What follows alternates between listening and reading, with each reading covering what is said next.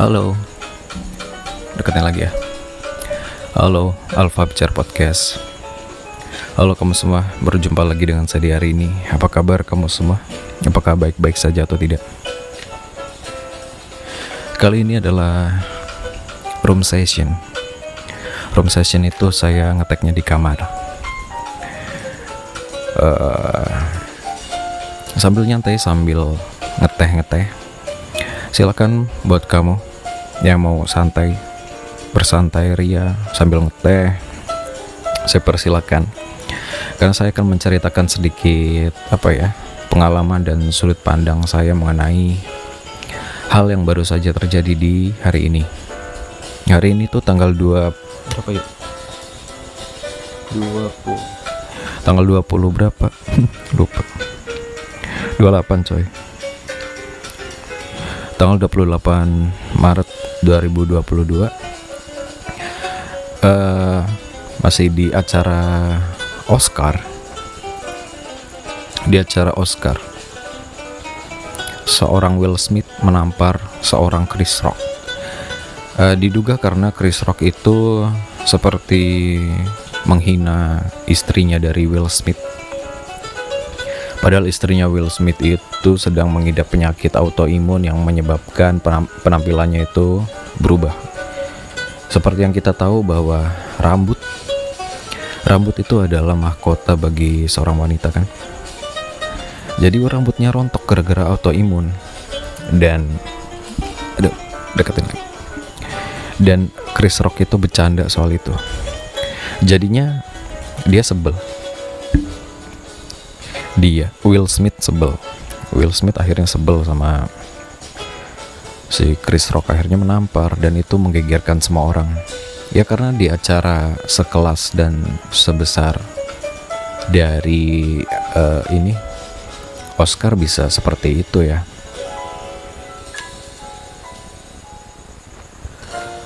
Uh, memang uh, kita sambil santai aja ya sambil ngeteh sambil ngerokok Memang mulut itu adalah senjata. Senjata yang tidak berbentuk. Tidak berbentuk artinya ya berbentuk sih. Lidah itu berbentuk. Daging kecil tanpa tulang. Tapi gara-gara lidah kita suara mulut menghasilkan suara suara itu hasil dari batin jiwa isi kepala dan lain-lain. Itu berpengaruh berpengaruh sekali. Dan di sinilah hati-hatinya seseorang untuk berbicara. Uh, saya pernah keingetan sebuah petua. Bukan petua ding. Sebuah sebuah sebuah ucapan kalau hati-hati apa yang diucapkan mulut itu bisa jadi kenyataan bisa meng bisa menyakiti orang lain, bisa jadi bumerang, bisa jadi senjata yang menyakitkan, bisa jadi uh, pengharapan yang jadi sebuah doa dan akhirnya jadi kenyataan. banyak sih ada yang bilang kayak gitu. Hati-hati kalau ngomong. Nanti diaminin setan eh diaminin malaikat nanti jadi kenyataan. Jadi ngomong itu yang baik-baik aja. Ada yang bilang kayak gitu. Dan memang seperti itu sepertinya. Oh, bentar.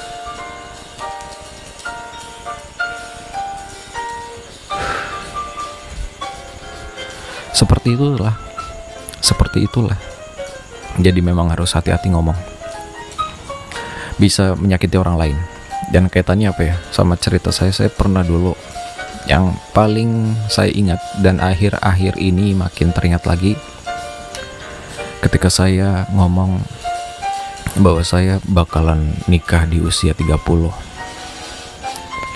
kayaknya 30 aja deh hmm, kayaknya 30 gitu dan sepertinya Sepertinya sebentar lagi. Sebentar lagi jadi kenyataan. Saya nggak tahu apakah benar-benar jadi kenyataan atau enggak. Tapi pengharapan saya sih jadi kenyataan. ya karena mau nunggu apa lagi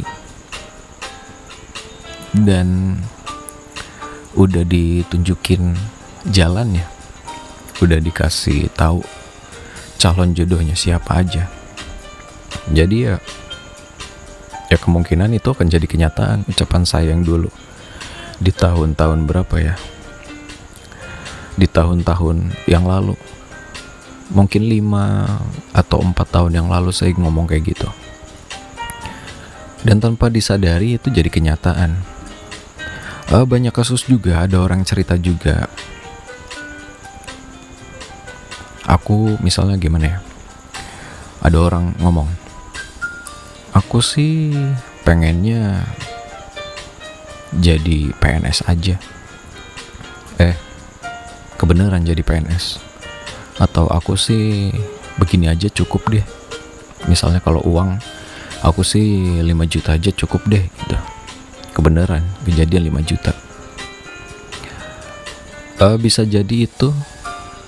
Ya memang sudah takdir atau rezekinya segitu atau bisa jadi apa yang diucapkan itu mengendap di kepala, di dalam pikiran, di dalam batin, sehingga membuat kita itu tersugesti badan jiwa pikiran kita tersugesti untuk mengiyakan hal itu dan mewujudkan hal itu jadi kenyataan.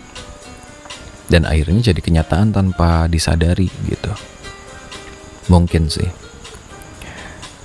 Dan ada juga uh, ini lebih dari sekedar omongan tapi mungkin juga ya omongan zaman sekarang sebuah postingan tulisan padahal itu kan diketik di media sosial itu bisa dianggap sebuah omongan kan? Jadi omongan itu bukan cuma dari mulut mungkin tapi dari jari dari teks dari genggaman tangan kita kita bisa berucap kita bisa beropini tanpa bersuara. Saat ini seperti itu. Dan itu nggak jarang menimbulkan masalah juga banyak orang-orang yang akhirnya kena masalah gara-gara uh, komentar atau posting sesuatu yang akhirnya mereka itu terjerat sama undang-undang ITE. Walaupun masih banyak kontroversi tentang undang-undang ITE itu tersendiri ya. Ada yang pro, ada yang kontra, ada yang bilang beberapa hal malah lebih mengarah ke masalah kebebasan beropini, kebebasan berekspresi. Tapi untuk masalah urusan uh, apa transaksi elektroniknya malah kurang begitu efektif. Sebetulnya kan harusnya itu lebih ke arah situ undang-undangnya, tapi ini lebih ke malah seperti pembatasan orang-orang untuk berpendapat. Jadi banyak sekali yang kena dan akhirnya ya akhirnya kena deh. Kena deh. nah gitu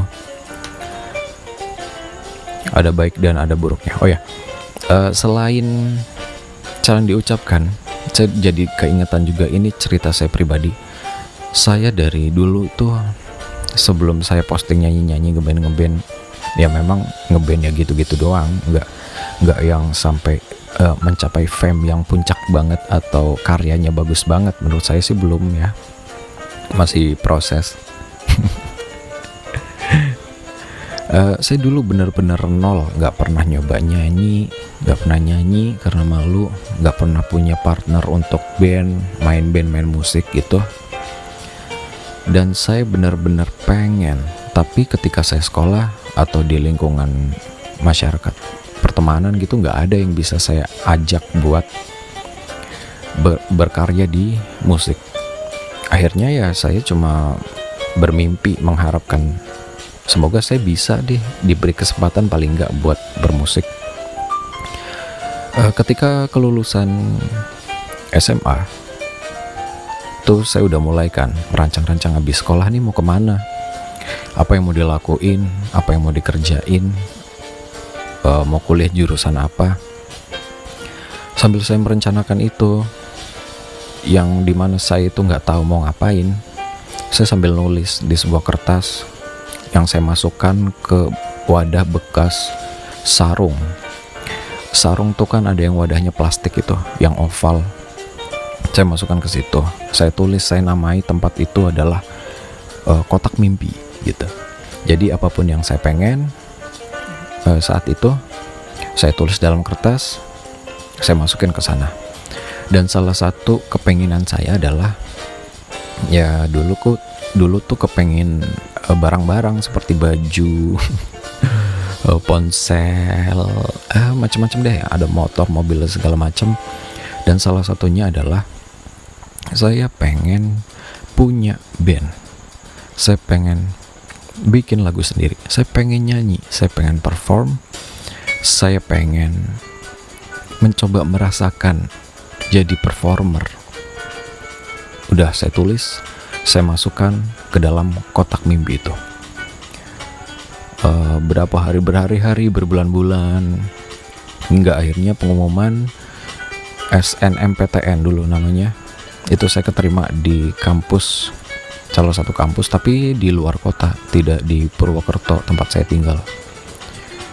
Saya keterima di Semarang di Universitas Negeri Semarang. Di sana saya berkuliah. Uh, dulu kan saya tidak punya kebebasan yang lebih. Tidak punya kebebasan yang lebih sebagai seorang remaja untuk mengekspresikan segala bentuk hal yang ingin diekspresikan. Dan akhirnya ketika saya saya diberi kesempatan waktu untuk merantau di mana saya tinggal sendirian bersama teman-teman nyari teman baru. Itu saya udah nyari teman baru akhirnya. Kayak burung yang habis lepas dari kandang. Dia masih tetap dibiayain orang tua. Tapi lebih merasa bebas karena jamnya itu jadi fleksibel terserah saya jadinya. Dan saya bisa ke mana aja. Singkat cerita, akhirnya saya ngikut-ngikut teman yang kebetulan bukan anak musik juga, tapi senang nongkrong-nongkrong dan main musik. Ada yang bisa dan udah punya lagu, ada yang bisa instrumen macem-macem. Akhirnya nyoba ayo latihan. Ayo latihan, ayo latihan. Pertamanya sih saya baru nemenin teman doang. Belum masuk ke dalam band atau grup, belum jadi member. Ya masih tim hore.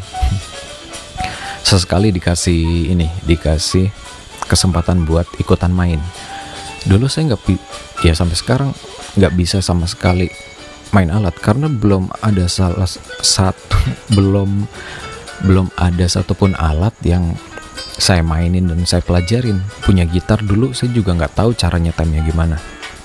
Dan akhirnya ya udah yang nggak pakai chord chord yang susah paling simple saya pilih drum main drum. Saya nyoba main drum jamming jamming jamming ya masih kacau. Namanya juga baru pertama. Dulu sekolah udah pernah tapi ya cuma iseng-iseng dan ya nggak jadi. Akhirnya nyoba nyoba nyoba nyoba. Udah udah ke lakon tuh. Udah jadi kenyataan tuh. Bisa nyobain buat main musik walaupun belum serius. Dan sampai sekarang juga nggak nggak serius dalam artian saya nggak pengen itu jadi serius karena nanti serius terlalu serius akhirnya jadi sepaneng dan nggak asik lagi dan nggak menikmati proses.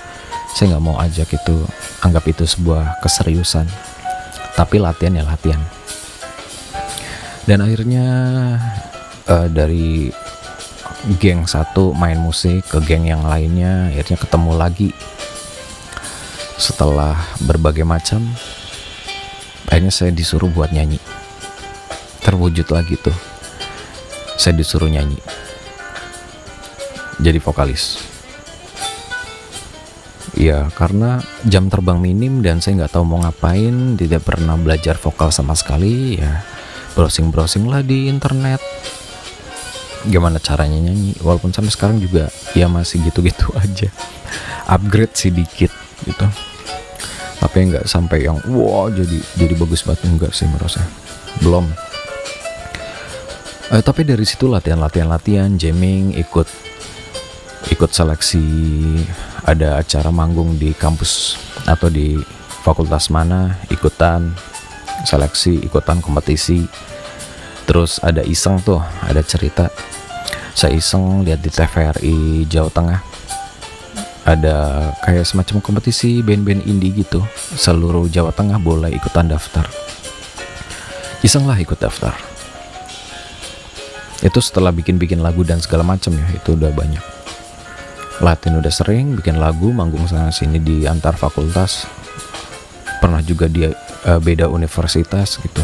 Waktu itu manggung di Undip. Ya walaupun di acara fakultas apa ya. Tapi menurut saya itu keren. Walaupun nggak pada kenyataan nggak terlalu keren ya. Tapi menurut saya keren karena saya bisa manggung di kampus orang lain di Undip uh, di Undip dulu tuh ada anggapan bahwa stratanya itu Undip tuh nomor satu di di Semarang. Kalau UNES tuh kan di gunung jadi ke anak-anak pinggiran gitulah. Dan saya bisa manggung di Undip. Uh, di Undip di acara kampusnya dan di Undip acara yang di luar kampusnya. Walaupun tidak tidak selalu mengenakan uh, pengalamannya tapi jam terbang lagi-lagi itu udah dapat jam terbang dan kembali ini kompetisi yang di TVRI akhirnya kita ikut masuk masuk masuk masuk masuk manggung uh, sampai tiga kali tiga kali tiga kali dan satu kali lagi itu grand final.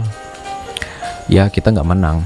Band band kami nggak menang tapi dapat 10 besar. Dan ya uh, ketika lulus satu persatu member lulus, teman-teman lulus dan uh, by the way uh, ketika masih aktif kuliah, kegiatan kuliah doang itu kalau kita manggung ya yang jadi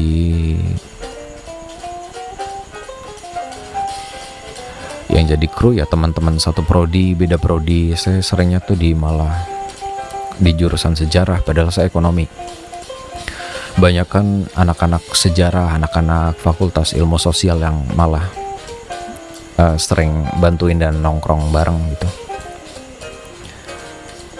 Dan tanpa saya sadari, ketika saya ingat lagi, ternyata jadi kenyataan gitu. Apakah itu tuah magic dari kotak sarung?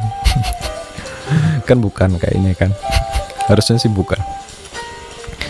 Uh, takdir hmm, takdir.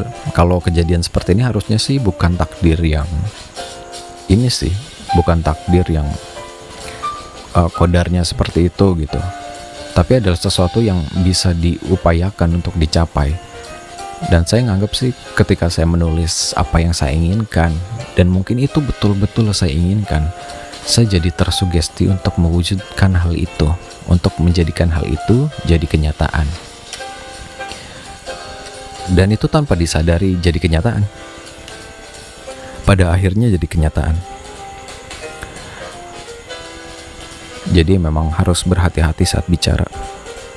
Uh, dan itu juga tuh, tuh satu soal ngeband karena saya itu cupu banget dan under eh, bukan underrated. Kalau underrated itu kan ini nggak terkenal tapi bagus. Kalau saya tuh anak yang nerd pengen sesuatu yang sebetulnya buat anak anak uh, normal biasa tuh ya biasa aja.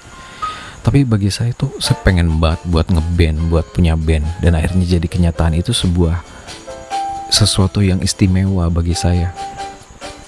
Dan akhirnya jadi kenyataan. Ya itu sih hati-hati kalau ngomong. Bisa jadi memang nanti tersugesti. Kalau ngomong jelek nanti akhirnya tiba-tiba kok jadi beneran kejadian jelek. Bisa jadi karena sugesti atau doa jadi harus selalu ngomong yang baik-baik. Dan lagi masalah tadi tuh yang nikah saya bilang wah nikah umur 30-an aja. Ini makin mendekati kenyataan. Seharusnya saya bilang umur 27, 28 atau ya sebelum 30 gitu harusnya. Harusnya lebih cepat atau lebih lebih bagus lagi pengharapannya. Ya gitu sih jadi memang harus berhati-hati, selalu berhati-hati buat bicara. Oke, okay. uh, eh, episode kali ini segitu aja dulu karena karena ya segitu aja dulu. Oke, okay, kalau kamu ada cerita, saran, dan masukan, silahkan kirim ke email alfabicarapodcast@gmail.com. Kalau kamu punya mau mengikuti kehidupan mau follow-follow atau kita saling uh, follow back atau saling bercerita, bertukar insight pengetahuan tentang apa pun, tentang buku, kehidupan atau tips tentang video, foto dan lain-lain. Saya lagi sering dan ngulik uh, editing desain foto, pamflet, uh, video di edit-edit kayak gitu. Saya lagi suka kayak gitu. Kalau kamu mau sharing ilmu sama saya, maksudnya kamu yang bagi gitu, saya yang minta. ya ya saling lah gitu. Uh, bisa juga di follow di Instagram di Alfa Bicara Podcast atau di @faizjelang. Oke. Okay. terima kasih untuk episode kali ini dan semoga kita bisa ketemu lagi. Alfa Bicara Podcast at gmail.com kok Alfa Bicara? Alfa Bicara Podcast. Signing out. Bye bye